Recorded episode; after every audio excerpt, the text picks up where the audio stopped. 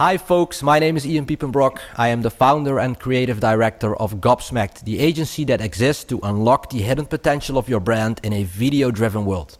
Now, if you want to turn your brand into a video first powerhouse through each stage of your customer journey, we can help you with that. Just shoot us a message and we'd be happy to talk about it. Today, I have a guest in this podcast, and his name is Dion Pau. He's the founder and CEO of 3DWD, a creative services agencies that exists to activate vacant storefronts and enhance overall customer experience experiences and many things more. Uh, we will talk about a lot of things. If you like this video, please click the like button and also subscribe to our channel because there is much more to come. Thanks for tuning in.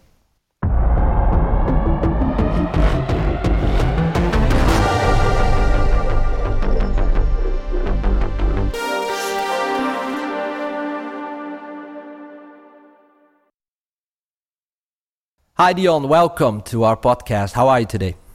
Good morning, Ian. I'm doing well. Thank you. And you are calling in from Lisbon or close to Lisbon, Portugal? Yes, yes. I'm, uh, I'm based in Lisbon uh, since three years now. And uh, it's uh, uh, a bit different. I mean, uh, we, when we met, we were both living in the Netherlands. And since, um, since then, some things have changed. But um, yeah, it's going well it's going well. Thank you. Change for the better, I would say, uh, because yeah, we met in uh, the beautiful village, Dutch village called Gorinchem. yeah, it's uh, uh, well. I have to watch my words. Huh? It's a, it's a, it's a pretty town. It's very nice. Uh, um, weather-wise, things have improved, uh, and it's um, it's also always nice to you know be triggered by the changes and uh, different lifestyle uh, and, and, also different cultures. I think it helps to trigger creativity as well. So it's in that sense, I'm happy to have a change of scenery. Fully agree. Uh, you know, being abroad or working for periods uh, abroad, uh, experiencing other things, uh, other ways of working and doing is, is really inspiring. It's really cool. It's good for for everyone. I would recommend it. Uh, and I'm a, I'm a bit envious because you have been there for years now. Three years. Three years. Three years. Yeah. Yeah, it's great climate. I, I had been, I've of course lived abroad uh, in the past. Uh, I think uh, nine years in total, so in different countries. Uh, but uh, ever since founding 3DWD, I was in the Netherlands, and uh, I actually thought I was going to stay in the Netherlands forever until. Um, because of the developments with the company, we wanted to do more things internationally, and we were looking at a, a, new office in somewhere a bit sunnier. Uh, uh, so we looked at the various options, and eventually we we decided for uh, for Lisbon. And even though it was planned to be only for three to six months, it's turned out to be a bit longer than that. Yes, definitely, and uh, yeah, for good reasons, I suppose. Because I know that uh, your company 3DWD has always been very internationally orientated. So, did that also play a role in you know relocating to uh, Lisbon? Yes, yes. So uh, what we're seeing is that um, we have a niche type of solution. Um, it can potentially work anywhere in the world, but it's really related to shopping centers. And uh, although we have shopping centers in the Netherlands and we also have high street shops, um, it's not the country in the world you think of when you think about shopping centers. And um, because of that reason, early on we started uh, looking over the borders. And uh, I think uh, within the first year of existence, we already had projects in five countries. Um, I think in the second year we uh, we existed, we uh, started a company also in the United States, and uh, since then we've we now work in 40 to 50 countries uh, per year. Um, wow!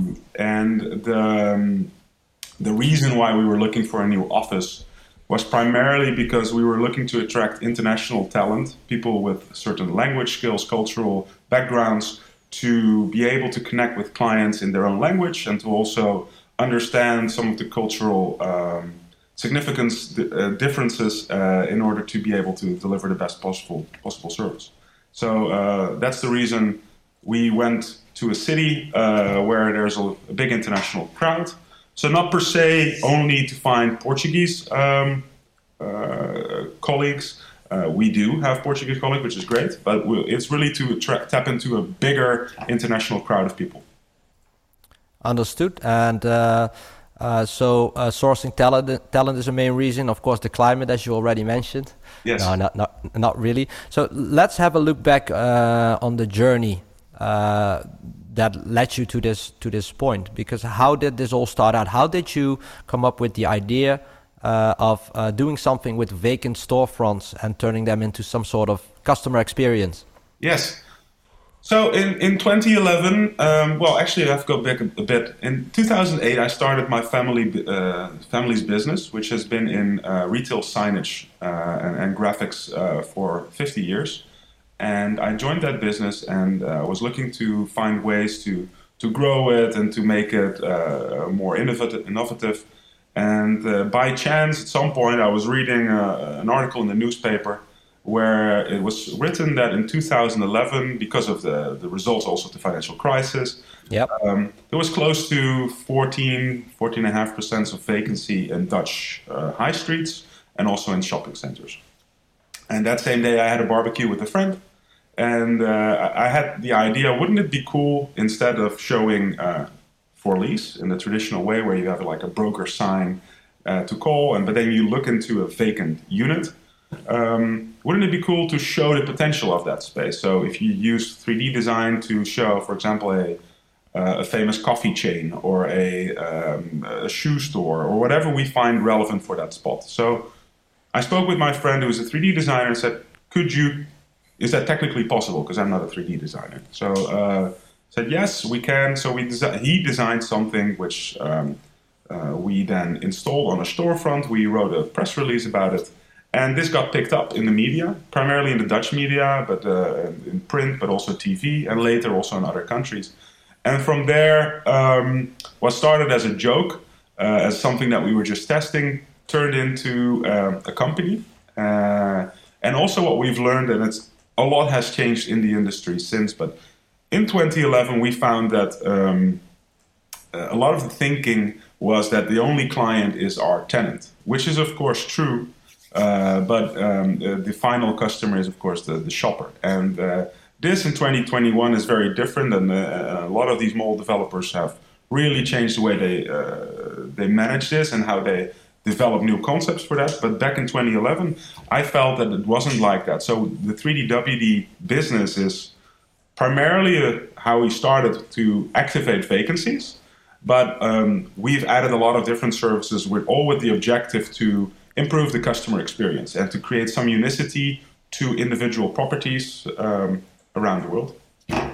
Yeah, oh, very very clear explanation. I, I would say uh, one of the things that always appealed to me. Uh, more from a philo- philosophical point of view about uh, the things that you do with the company is that when you see vacant storefronts and you see a lot of them you i always get the feeling of a you know uh, something a, a regressive situation or a, uh, an ominous feeling because it's empty, and that is always a sign of things gone bad or things gone, uh, you know, backwards.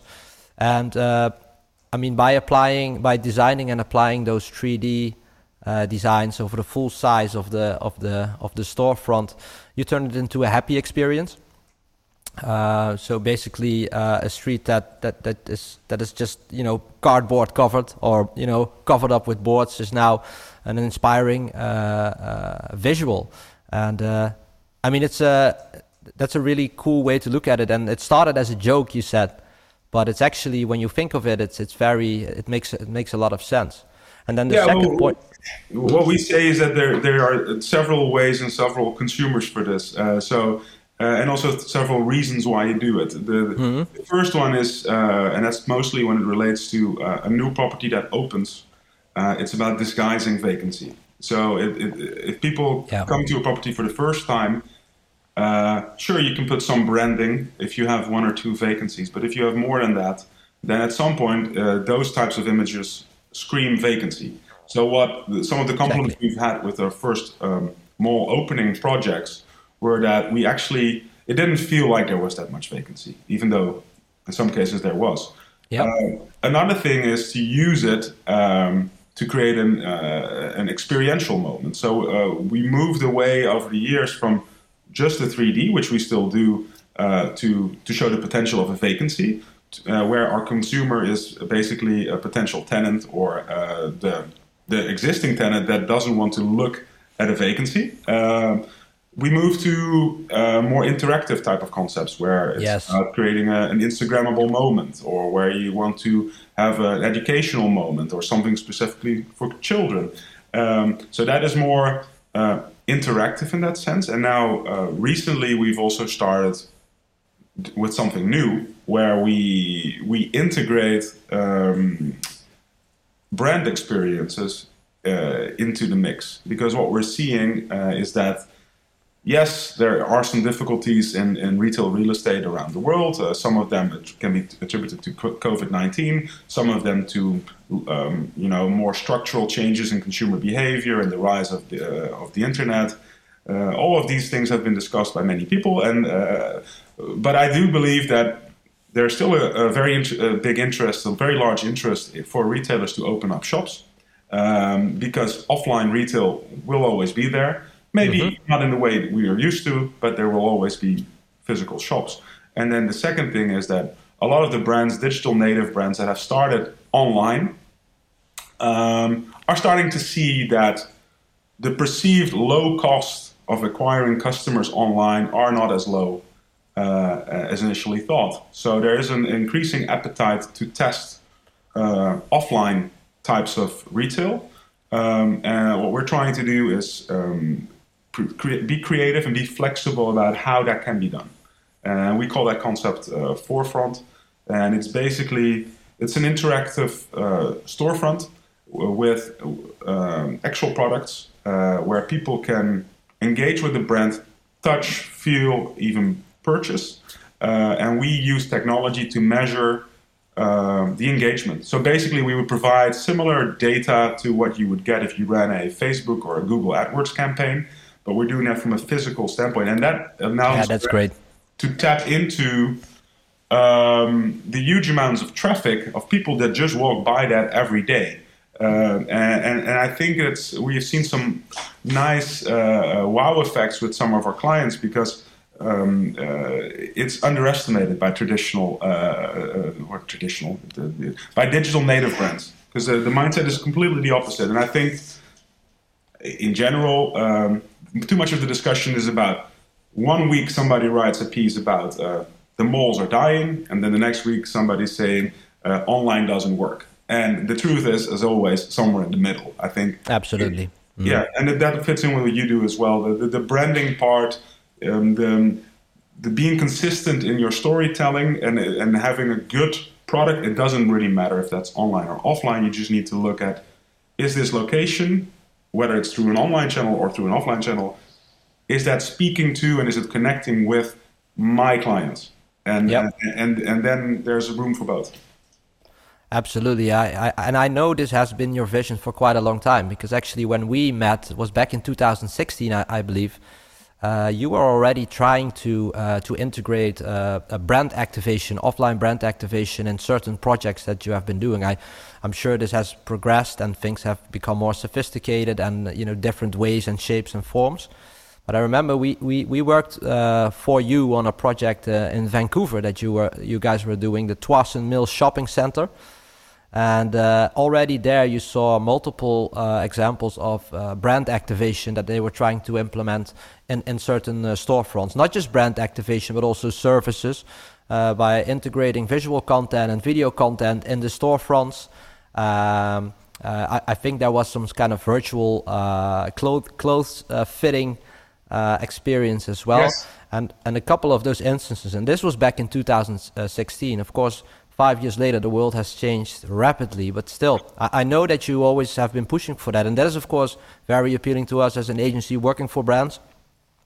Uh, making the, the connection uh, with uh, offline activation and basically you know pulling potential customers and fans into a funnel through an offline location it's really interesting and uh, Yeah, yeah, I think that's true. And uh, the, the nice thing is that uh, since then, some of the positive outcomes of COVID are that technology has improved, and all, but even more important because technology has been there for a while, but uh, customer uh, uh, adoption has improved. So the QR code, to name a simple thing, uh, which was never used previously, is now everybody uses. My, my grandma. Yeah, it was always the ugly duck of, of digital marketing. Exactly, and I still believe. I mean, a QR code by itself is nothing, uh, but exactly. it, it's about what you, how you uh, announce it, and, how, and, what type of value is behind it.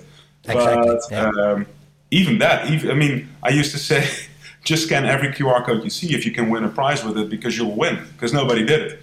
Uh, and that has changed. Um, uh, but it's also, you know, the, the, the, the, virtual fitting room concept that you, you mentioned uh, back then, it was very hard to actually make, it, it was a gimmick back then.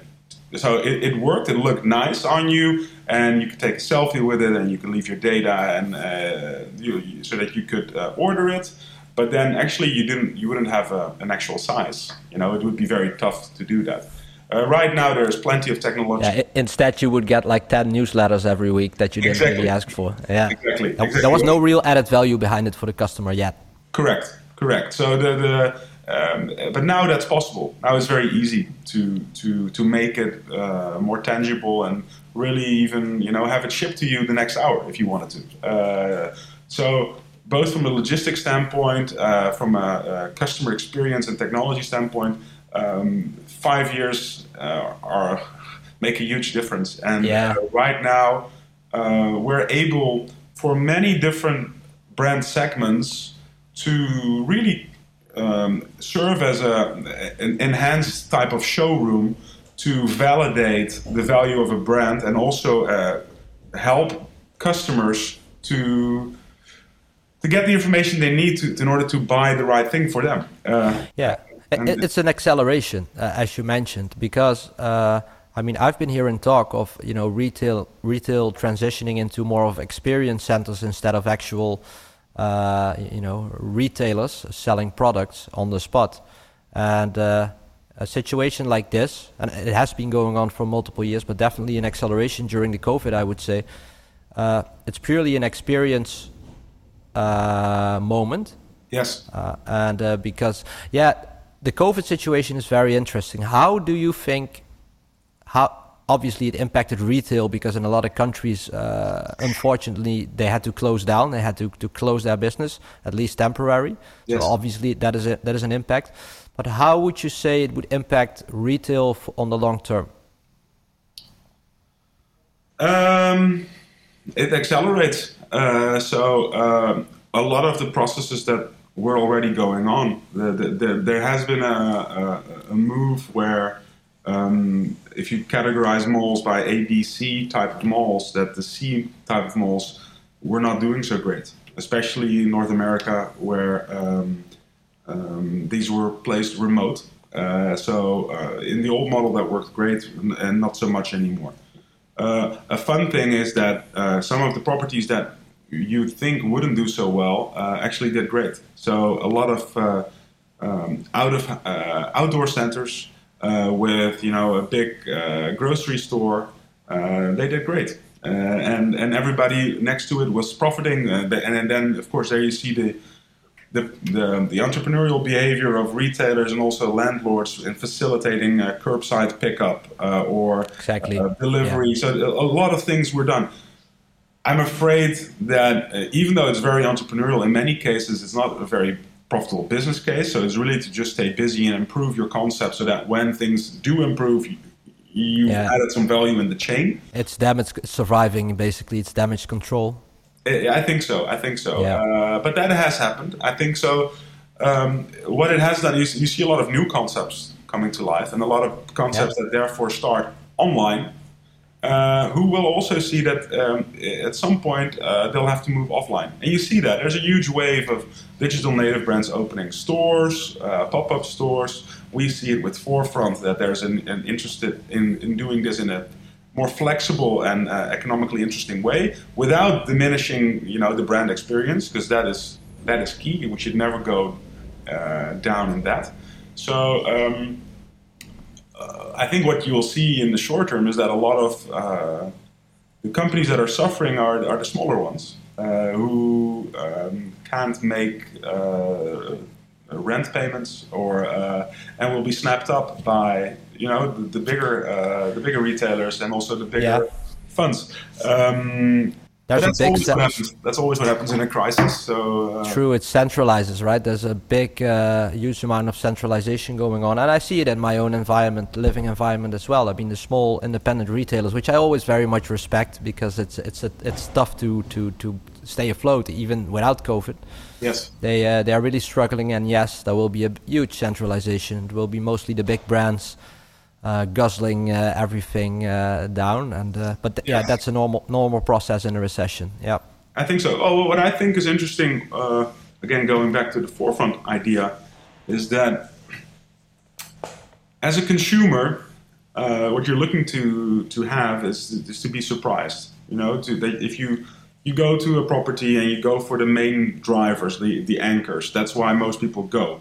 But it's nice if you then are surprised by a new brand um, traditionally, there was not much room for that. So traditionally, you would have you know ten year leases, uh, and it's the same brand. So if, if, it's fully let, then that's what you have for the next ten years.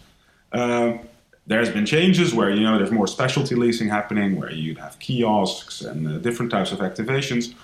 Um, but still, it's limited because it's a specific type of brand. Um, it depends a little bit on the operator and also a bit on the, on, on how far a landlord is uh, engaged with that, but um, um, not always as interesting. Some are, some are not. Um, mm-hmm. What I think is interesting now is if you can create a way for brands that are very niche, very specific, to to go in and try uh, on a you know a three month basis. Uh, as a consumer, if you would have you know five or six spots which are always changing, uh, that adds value to, for me as a consumer. It adds value for the whole property because you you provide a sense of um, anticipation that something will be different next time I'm coming in. Yeah. Uh, and I think uh, in order for that whole thing to work, and uh, you need to be flexible, and it shouldn't be too expensive. Otherwise, you, it's hard to maintain that. And uh, eventually, the idea is that these concepts will see how well they do, and they will want to move into a more permanent space, of course. Yes, yeah, I, I can see that happening. So, uh, what is the role in uh, because if you want to keep the cost, uh, you know, if you want to keep it feasible, feasible, especially when you want to have repetitive uh, campaigns running and stuff like that. Uh, I would say that also to keep it feasible, digital content is key, right? Because that's pretty easy to to to produce instead of you know having all these physical uh, elements yes. having to be cre created. Yeah. So, what, do you see an uh, an influx of, uh, for example, video content or interactive content in those in those storefronts or those forefront concepts that that that are emerging? Uh, definitely, definitely. Because the way we see it is rather than building out the whole space, we only build out 20% of it. Yeah. Uh, so we try to uh, take the essence of a brand and try to get the maximum engagement we need to define what that maximum engagement is so that we can measure if there's a conversion. And that conversion can be a sale, it can be a test drive for specific type of brands. Um, whatever we define it is, maybe it's a sign up uh, to a subscription. Yeah. Uh, we try to capture that essence, and for that we need, you know, a brand story, which is usually you, know, you need video content for that. You need um, uh, a visual in, in, in, print, probably uh, yep. You need some uh, touch display options to to to understand what are the options. Uh, maybe some measuring if that's in place. Um, These can be staffed or unstaffed. It depends a little bit on the brand and also on their uh, willingness to uh, how far they want to take it. Uh, but um, yeah, definitely, visual content plays an more, a very important role. It's it's and that's also a long process where um, in the way business, the retail business goes now, you can you can buy anything anywhere. So the only value, the only way you can be different is if people really want it from you. Uh, so if and by in order to achieve that, uh, you need to explain why you are cool and why why yeah. you are the one that is best uh, suited to deliver this in a way that adds value. Um, it's not uh, to just put a collection of products there, uh, products that you could also buy directly from that brand. So, for that sense, we think you don't need a full space. To No, it's all about the brand experience. That's where it starts. The, the, that's the first touch point that you want to create, and then, uh, yeah, People want to buy your product if if, if done right. Um, so, what are some recent examples that you? Well, no. First, let let me ask. Of course, one of the great things is that you can measure interaction. You can measure the rate of activation, uh, how many conversion moments there are achieved with with such a with such a setup, such a concept. Um, so, what in your experience are the things that people get a kick out of these days? Is it a uh, is it a virtual experience? Is it a fitting experience? What are some of the examples that really, really worked well in this current? That's a age? good question. I mean, um, within the forefront, uh, uh, so far, a lot of it I, I can say is uh, what we notice between in the conversation with the brands, because uh, a lot of the preparation is going on because uh, of COVID. Uh, yeah. We're postponing some of the inst- installations because we want to test in a full environment, and we don't think we get the uh, a realistic picture if we launch in a mall that's partially closed. Yep. Um, what I feel though um, for the um, for the consumer is interesting is that a lot of these brands live online now.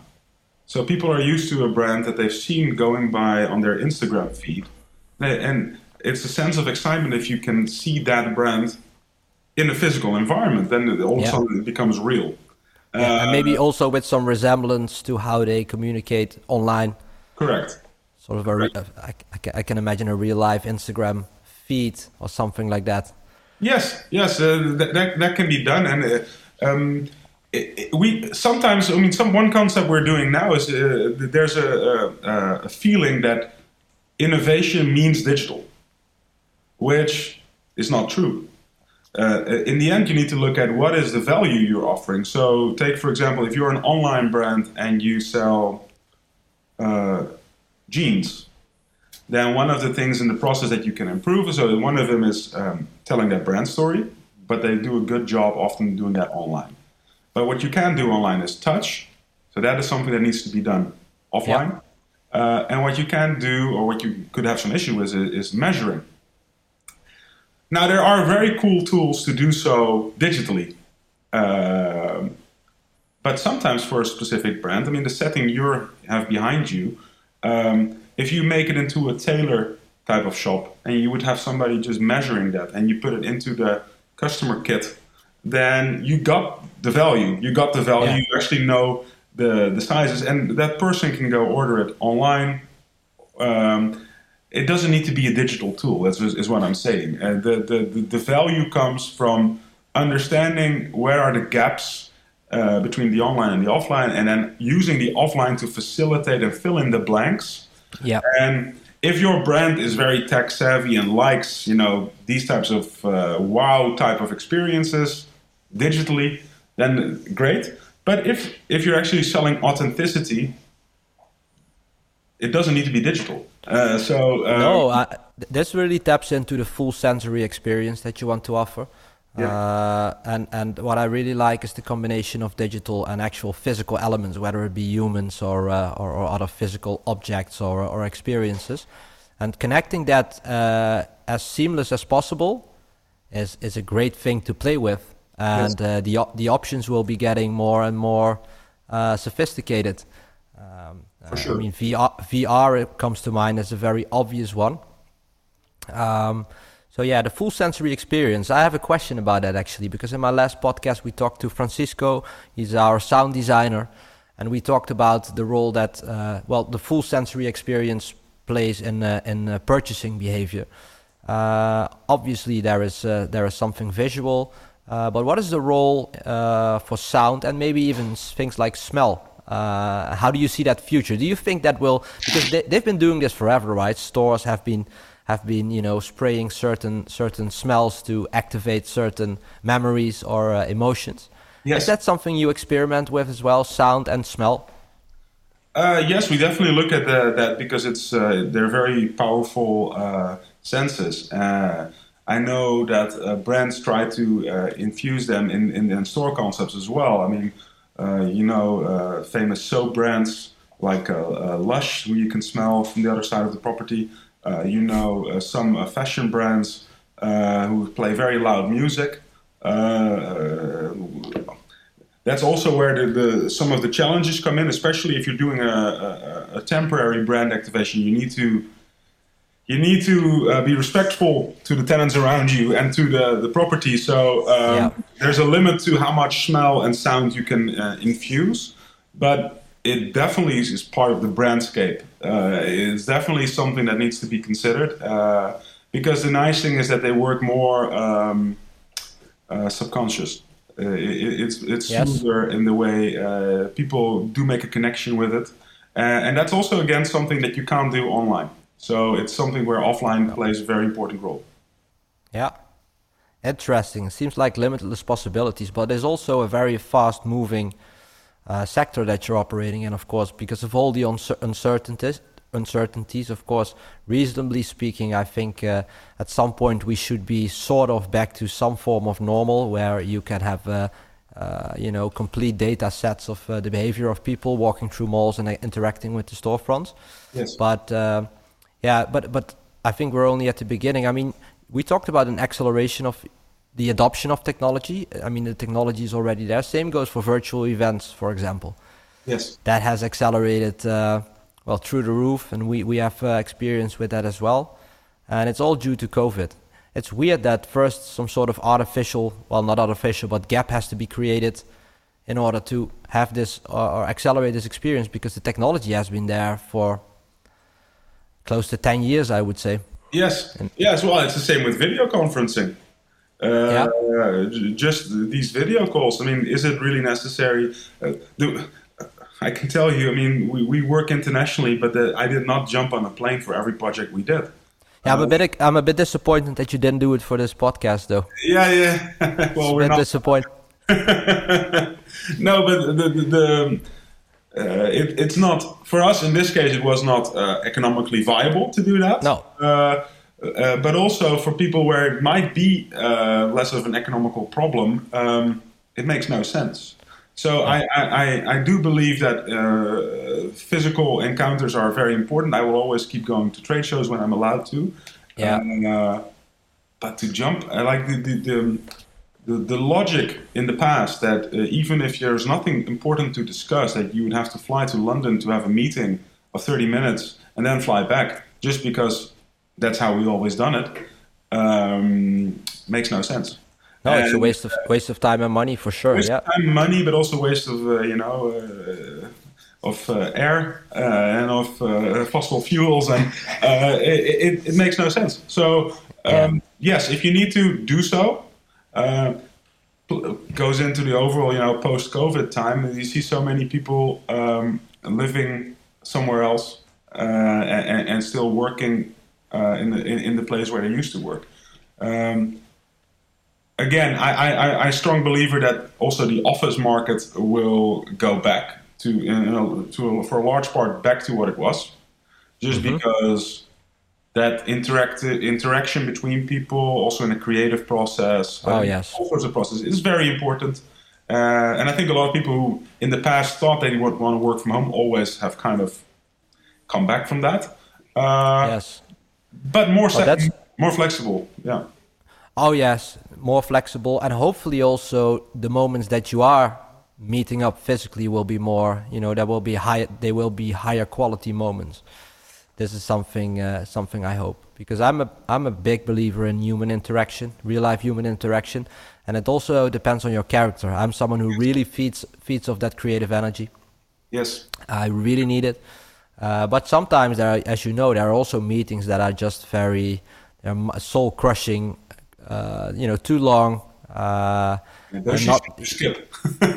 yeah, you should just skip skip those meetings. So my hope is that uh, there will be some sense that the actual physical moments will be of higher quality.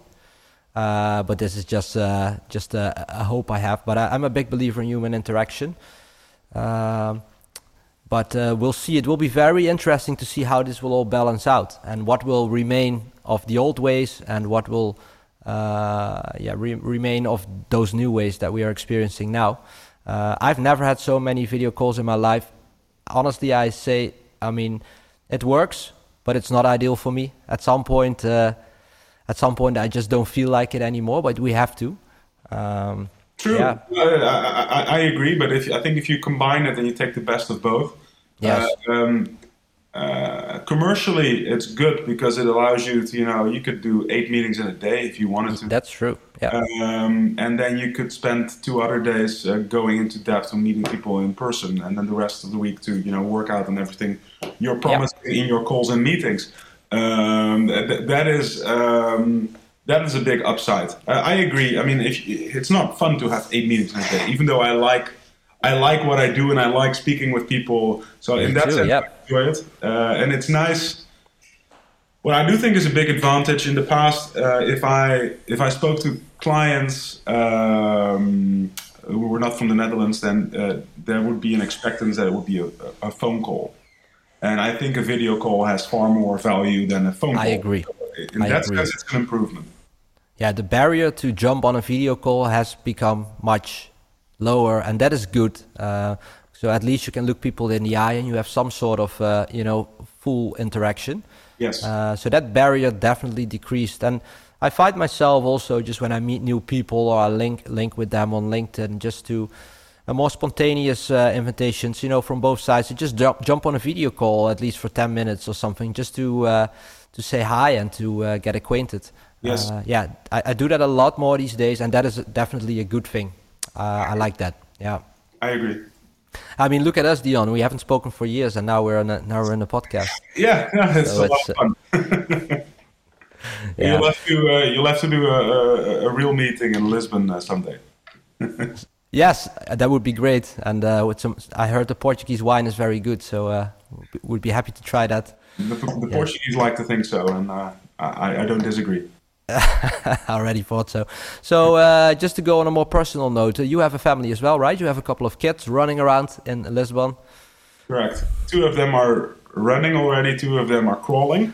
Okay. Uh, so um, yeah, we when we moved here, we uh, uh, our oldest daughter is now seven, so she was four, and then the uh, the second daughter is uh, is four now, so she was one, and then we have two uh, twin boys that were born uh, one week before the, sh- the lockdown here in Portugal. So it's been a Wow. it's been an interesting year with uh, um, uh, twin babies born uh, amidst the full lockdown here in Portugal, but uh, we survived that. So I think the all in all, Yeah. we're still playing. Yeah, that's uh, wow. That what a, what a yeah what a time to uh, to get twins even not not just one but twin. So uh, uh, how is the COVID situation in Portugal now? Is it very is it very restricted still, or are things opening up? Um, schools opened two weeks ago, so that's uh, that they were closed for more than two months. Uh, other than that, everything we're not we're not allowed to go to the office, um, uh, and uh, if if the numbers stay as they are, as of uh, April fifth, we are allowed to uh, go to terraces of restaurants and play sports in groups of four. So that is Okay. uh, that's the first um, loosening of the of the lockdown. Yeah. Um, and then if that all goes well, then per mid-April, then uh, it should be relaxed a little bit more. Uh, it, I think uh, it, it, the weather, I think, plays a role. So it's starting to be better weather here, and uh, Yes. ho- hopefully this was our uh, our last lockdown. I hope so. Oh yes, no, it's definitely a seasonal virus. Uh, I mean, even in the Netherlands, of course, we've experienced that last year. So let's hope that some more humi- humidity and higher temperatures will uh, will speed things up a little bit. But it's still very restricted, I must say. It's uh, it's it's about the same as here. But you are not allowed to go to the office at all. Um, no, you need a you need a signed paper from the owner of the company to do so. Mhm. Well, that I can facilitate, of course, but um, yes. um, but you're not really supposed to. So I go, you know, once or twice a week to check the mail, and uh, and, Yeah. and that's it. Um, Yeah. Which is a which is a pity, as we discussed. I mean, uh, I, I like it. We have a nice creative team, fun people. Besides what they do, also, so it's nice to connect with them. Uh, normally, I would be going to the Netherlands, uh, you know, on a more regular basis to meet with uh, the team there, which is now also fully uh, uh, online. So it's um, yeah, it's a pity. It's a pity that you can't uh, uh, have the foster the relationships that you normally have with inside inside your company in a way that you normally do. I mean, Yeah. uh, practically things work, you know. Yes. So we, we we we do our projects and uh, they go fine. Uh, so in that sense, it can be done, but uh, I think it could be better and also definitely more fun if we would see each other. Definitely, yeah. There's also an element of fun that is that is sort of missing, uh, that's out of the equation right now, which is simply just the random human interactions that we all that we all love, and you know you can transmit energy and receive it from your from your workforce and your your colleagues. Yeah, uh, luckily we are, uh, uh, you know, we have a pretty small core team, so it's easy for us to facilitate. But the 3W, sorry, the 3DWD workforce. It is a tongue twister on purpose. So it's, it's much easier in Dutch. You, you haven't thought you haven't thought this through uh, when you started it, Dion. No, I, I, I, look at all the fancy agency names and they are all tongue twisters, so it's fine. Okay, Zungenbrechers, as they say in German, right? Yeah. But uh, 3DWD in Dutch is pretty is, is much easier. But uh, yeah, no. So how is the 3DWD workforce divided now? Because you still have staff in the Netherlands. Um, how how is that how is that divided in, in numbers? Uh, we're roughly uh, 20, 25 people in the Netherlands and 10 in Portugal.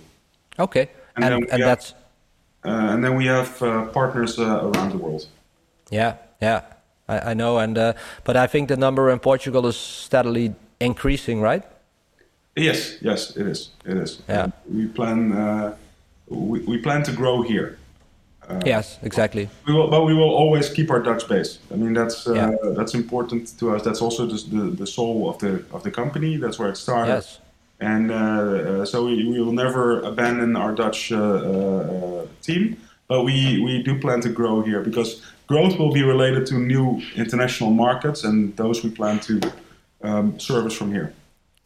What do you see as the you know the fastest emerging market when it comes to what you are the services that you are providing which markets are most interesting right well now? if i if i look at malls so where mm-hmm. are malls being built um, that is um, uh, asia mm-hmm. and uh, there's already been a huge wave of development there but uh, it's not uh, slowing down uh, and then recently within asia i think india is, uh, oh yeah is very uh, very big, very important. Um, Africa, um, which is uh, a very interesting uh, market for us. We'd uh, we'd like to do more than we're doing currently. It's uh, mm-hmm. it's it's a bit more complicated because it's not as um, not as straightforward in terms of ownership and clients than it is in Europe or South America or North America, for that matter. Uh, but it's very interesting, and I, I, I, would love to do things there just because of the you know it's completely different, and there, there seems new to cultures, cultures, and there seems to be you know. The, I think there's a misconception also in Europe about you know Africa. People think of uh, that it's uh, not doing so well, and of course for some areas that's the case. But there are really countries that are uh, in a really upward spiral. Um, and uh, it's nice to see. It's nice to see that uh, it's going in the right direction and they're building nice things. I actually already saw that uh, when we started doing work in Mexico. That if you compare what is being built there to what we have in Europe, they have the advantage that they were starting to build things later. So their yes. malls are brand new and amazing. And we have tw- a lot of them 20, 30 year old malls, which of course are uh, slightly less amazing because they're older. And uh, uh so it's the advantage of starting later. You can right away infuse all the latest. Yeah, it's what they call uh, yeah, it's what they call leapfrogging, right? Yes. So uh, I the uh, the example I sometimes use, for example, for Africa, is that they skip the PC. Yeah. you know, uh, so so to speak, they they they are very mobile savvy uh, because that's where most of, of lots of those countries or areas started, really. Yeah, I think uh, South Africa was leading on uh, mobile banking technology. Uh, yeah, no surprise there. No surprise there. So, how about China, Dion? Is that is that an interesting uh, market for you? Have you been working there, or is that still something to conquer? Well, no, we have done some small projects in China. Uh, uh, potentially, it's a very interesting market, of course, because it's one of the leading countries in the world now, and it's has an immense mall development pipeline it's not as easy for us uh, with uh, language and also um, uh, competitiveness in the in, in, the local market. Um, so um, we, the projects we work on are usually more high end, Uh, whereas in, in the rest of the world, we can also do, you know, like a, a local shopping center. So it's Yeah. uh, that that. But there's a lot of high end projects. So potentially we could do more in China, and I would like to.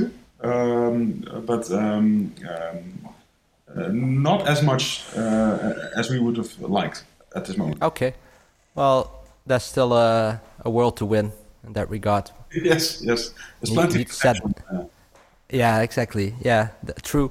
Okay, so uh, we will definitely link uh, stuff that we talked about in the description. Um, uh, also, some some some new projects of yours. But I'm curious to know uh, what are the exciting exciting things you uh, have been working on in terms of which brands are you are you uh, uh, trying to activate right now, or which are which brands are a perfect example, in your opinion, of you know playing that game right, the combination of offline activation and the online journey.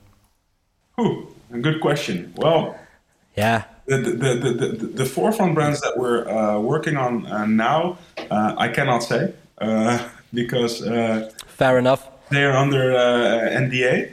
Uh, We know how that works. which is a pity. Um, the, the, the, the nice online offline connection, um, there are there are multiple. I think you see a lot of uh, uh, brands that started online and then went offline. So um, uh, Warby Parker, uh, Bonobos, uh, this is both US. Uh, I think they are good examples of that.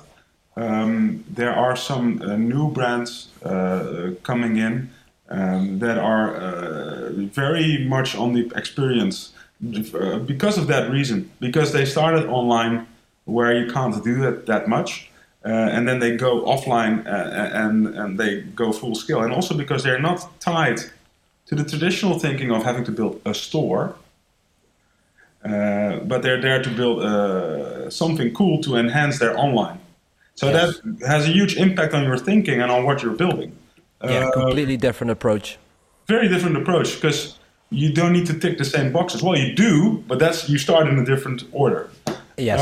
Um, so um, I think those two I, I would mention. Now there are more. I mean, you get uh, Allbirds is uh, is is doing it well. Um, uh, Casper, although I'm not sure about.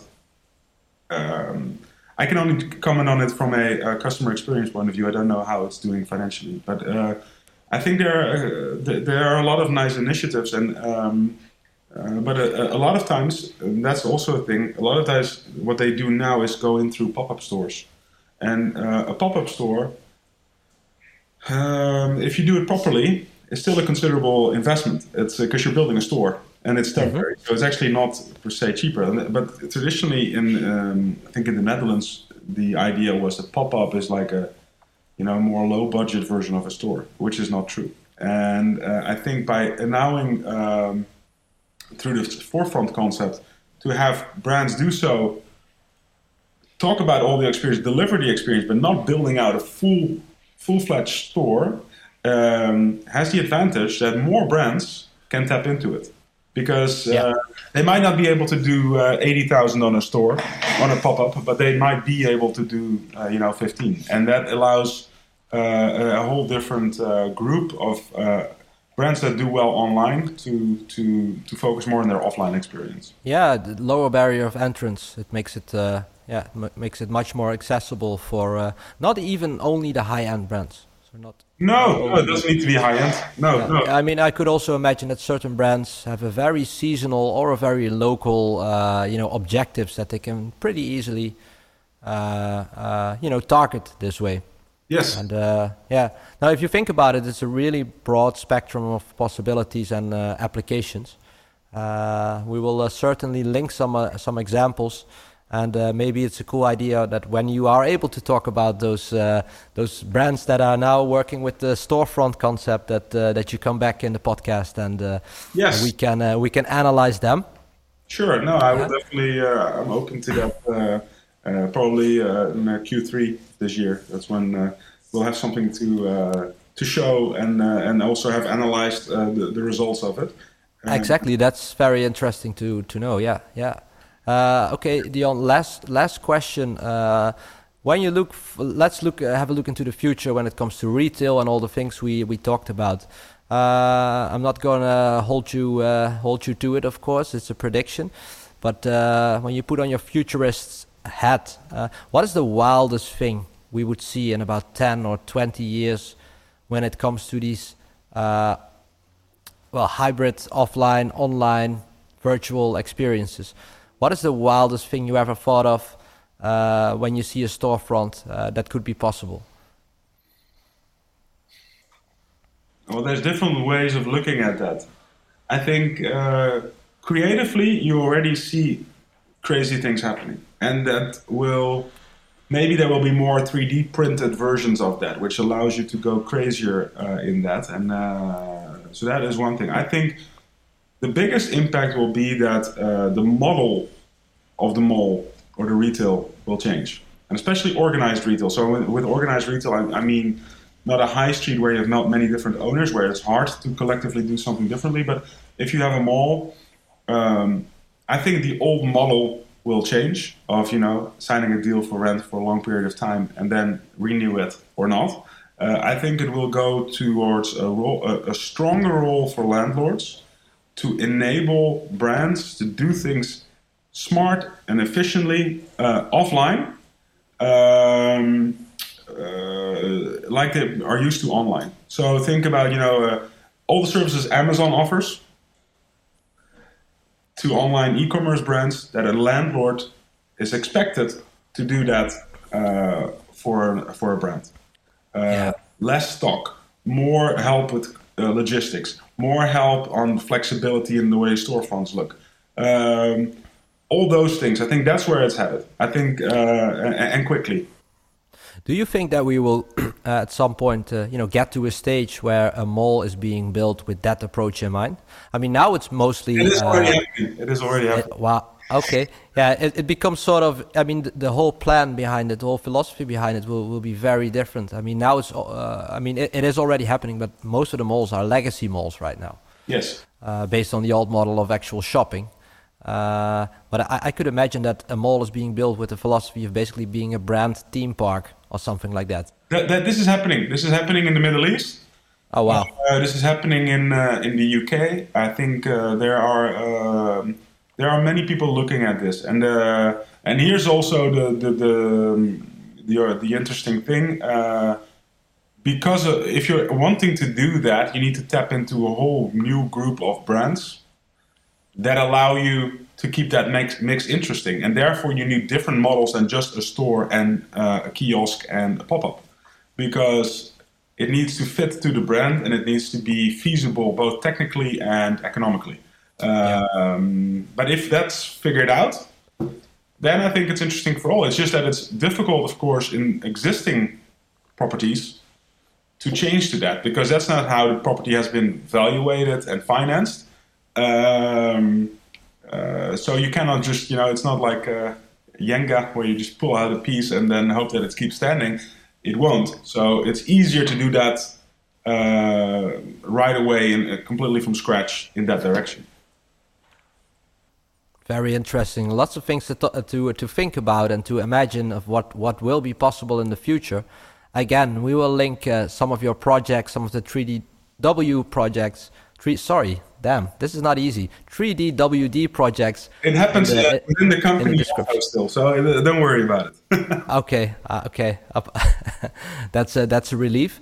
Uh, we will also link the, the, the, video of the project that uh, we collaborated on in uh, 2016 in uh, Tsawwassen Mills, Vancouver, which is basically a pre uh, how do you say that? Yeah, kind of a pre-stage uh, interactive shopping experiences with. V- I remember even re- that we recorded a uh, sort of a hostess there, a virtual hostess that would help you find your way. Uh, yeah, I, that's I funny because that one, that one we um, that was a pre-recorded concept. Uh, yes. and uh, since then, we've developed technology that allows you to speak to a real live person. And that, right, li- calling in live, basically. Yes, we call it ah. Scotty, like beam me up Scotty uh, concept. And basically, what it does is uh, you have people sitting in one central location, and they take calls from several places throughout the portfolio. uh, and then you can call and they can see where they're calling from, and then they can talk to them, give them, share their screen, give information. So it's taking that pre-recorded version to a, a different level. And of course, this technology also uh, is going to be employed in our forefront concept because you could use that to advise on a product uh, or Yeah. still on a product. Interesting, very interesting. They, so they always have to look sharp whenever someone beams them up. Yes. They, they, they always have to be camera ready. To look camera ready. Well, you your shirt look nice looks nice, Dion. So you're uh, you're, you're you're you're more than camera ready.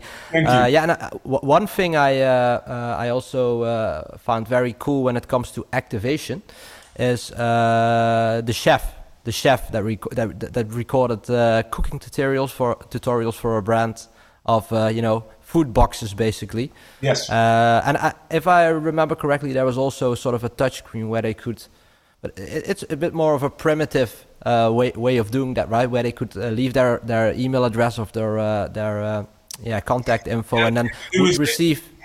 Yeah, they could uh, they could leave their email address. So you'd have a chef on a big screen, and uh, you could interact with the chef and pick which meal he would prepare for you, and then Yeah. you could leave your email address, and then you could get a link to order uh, the um, Right. package. So that was uh, the simpler version, which now, of course, you can also take make more elaborate. The reason, though, uh, even then we could do it more uh, engaging, uh, but the reason we didn't is that what we always have to bear in mind when we do an activation in a, in a, in a, in a high traffic location is that people are not there for whatever it is that we think of. So even though we think it's very important that we have a virtual chef concept there, most people are there to go to H&M or to go to Yes. uh, something else. So any second we steal from them is one. So if we go too complex in terms of the engagement we're seeking, we're going to lose them. So Yes. we're designing these activations in a way that it's a minimum uh, intrusion.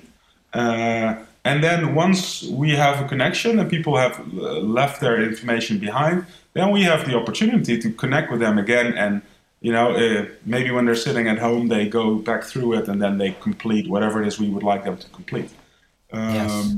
Short that- bursts of yeah. added value Correct. when when they are passing by. It's a very it's uh, how do you say that? Yeah, it's very intricate. It's uh, uh, you have to choose your moment and you have to choose your action very very specifically, and also probably base it on on data uh, to, Yes, to get it but as it's- right as possible. We use data, but we also use to check would I do it and would my mom do it? That's always the best. Boerenverstand, we call it in the Netherlands. Yes, exactly. Uh, Like, would I walk by an activation and leave it, Yeah. fill in 20 lines on a form on my mobile device? No, I wouldn't. Ne- never.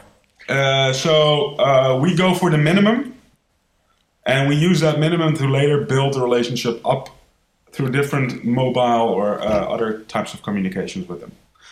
Where the forefront is different from the 3D WD activations that we discussed is that because we're making it more of an enclosed area, it feels more like a shop. So it's also more intimate. So it's not a hoarding. It's a it's an intimate space where people by stepping in they show more commitment. So it, it feels different, and you we feel we can ask for more uh, Yes. because we're giving more. Also, You're giving more. Yeah. Yeah. Very interesting stuff. I look forward to seeing uh, the fruits of that um, and uh, keep an eye on it. It was very, very good to talk to you again, Dion. It's been too long. And uh, likewise. I'm, I'm happy. Thanks. Uh, you're welcome. And uh, happy that uh, the company is doing well and that exciting things are on the horizon. Um, so uh, thanks for uh, thanks for being here in this podcast, Thanks, Ian. and uh, hopefully speak to you soon. And good luck in, in uh, Lisbon. Enjoy the weather. Enjoy the wine. Today it's a bit uh, drowsy, but uh, I will uh, I will definitely uh, enjoy the sun. Okay, very good. Happy to hear that. Dion, thank you again, and uh, speak soon. Speak soon, Ian. Have a great day. Have a great day. Thanks.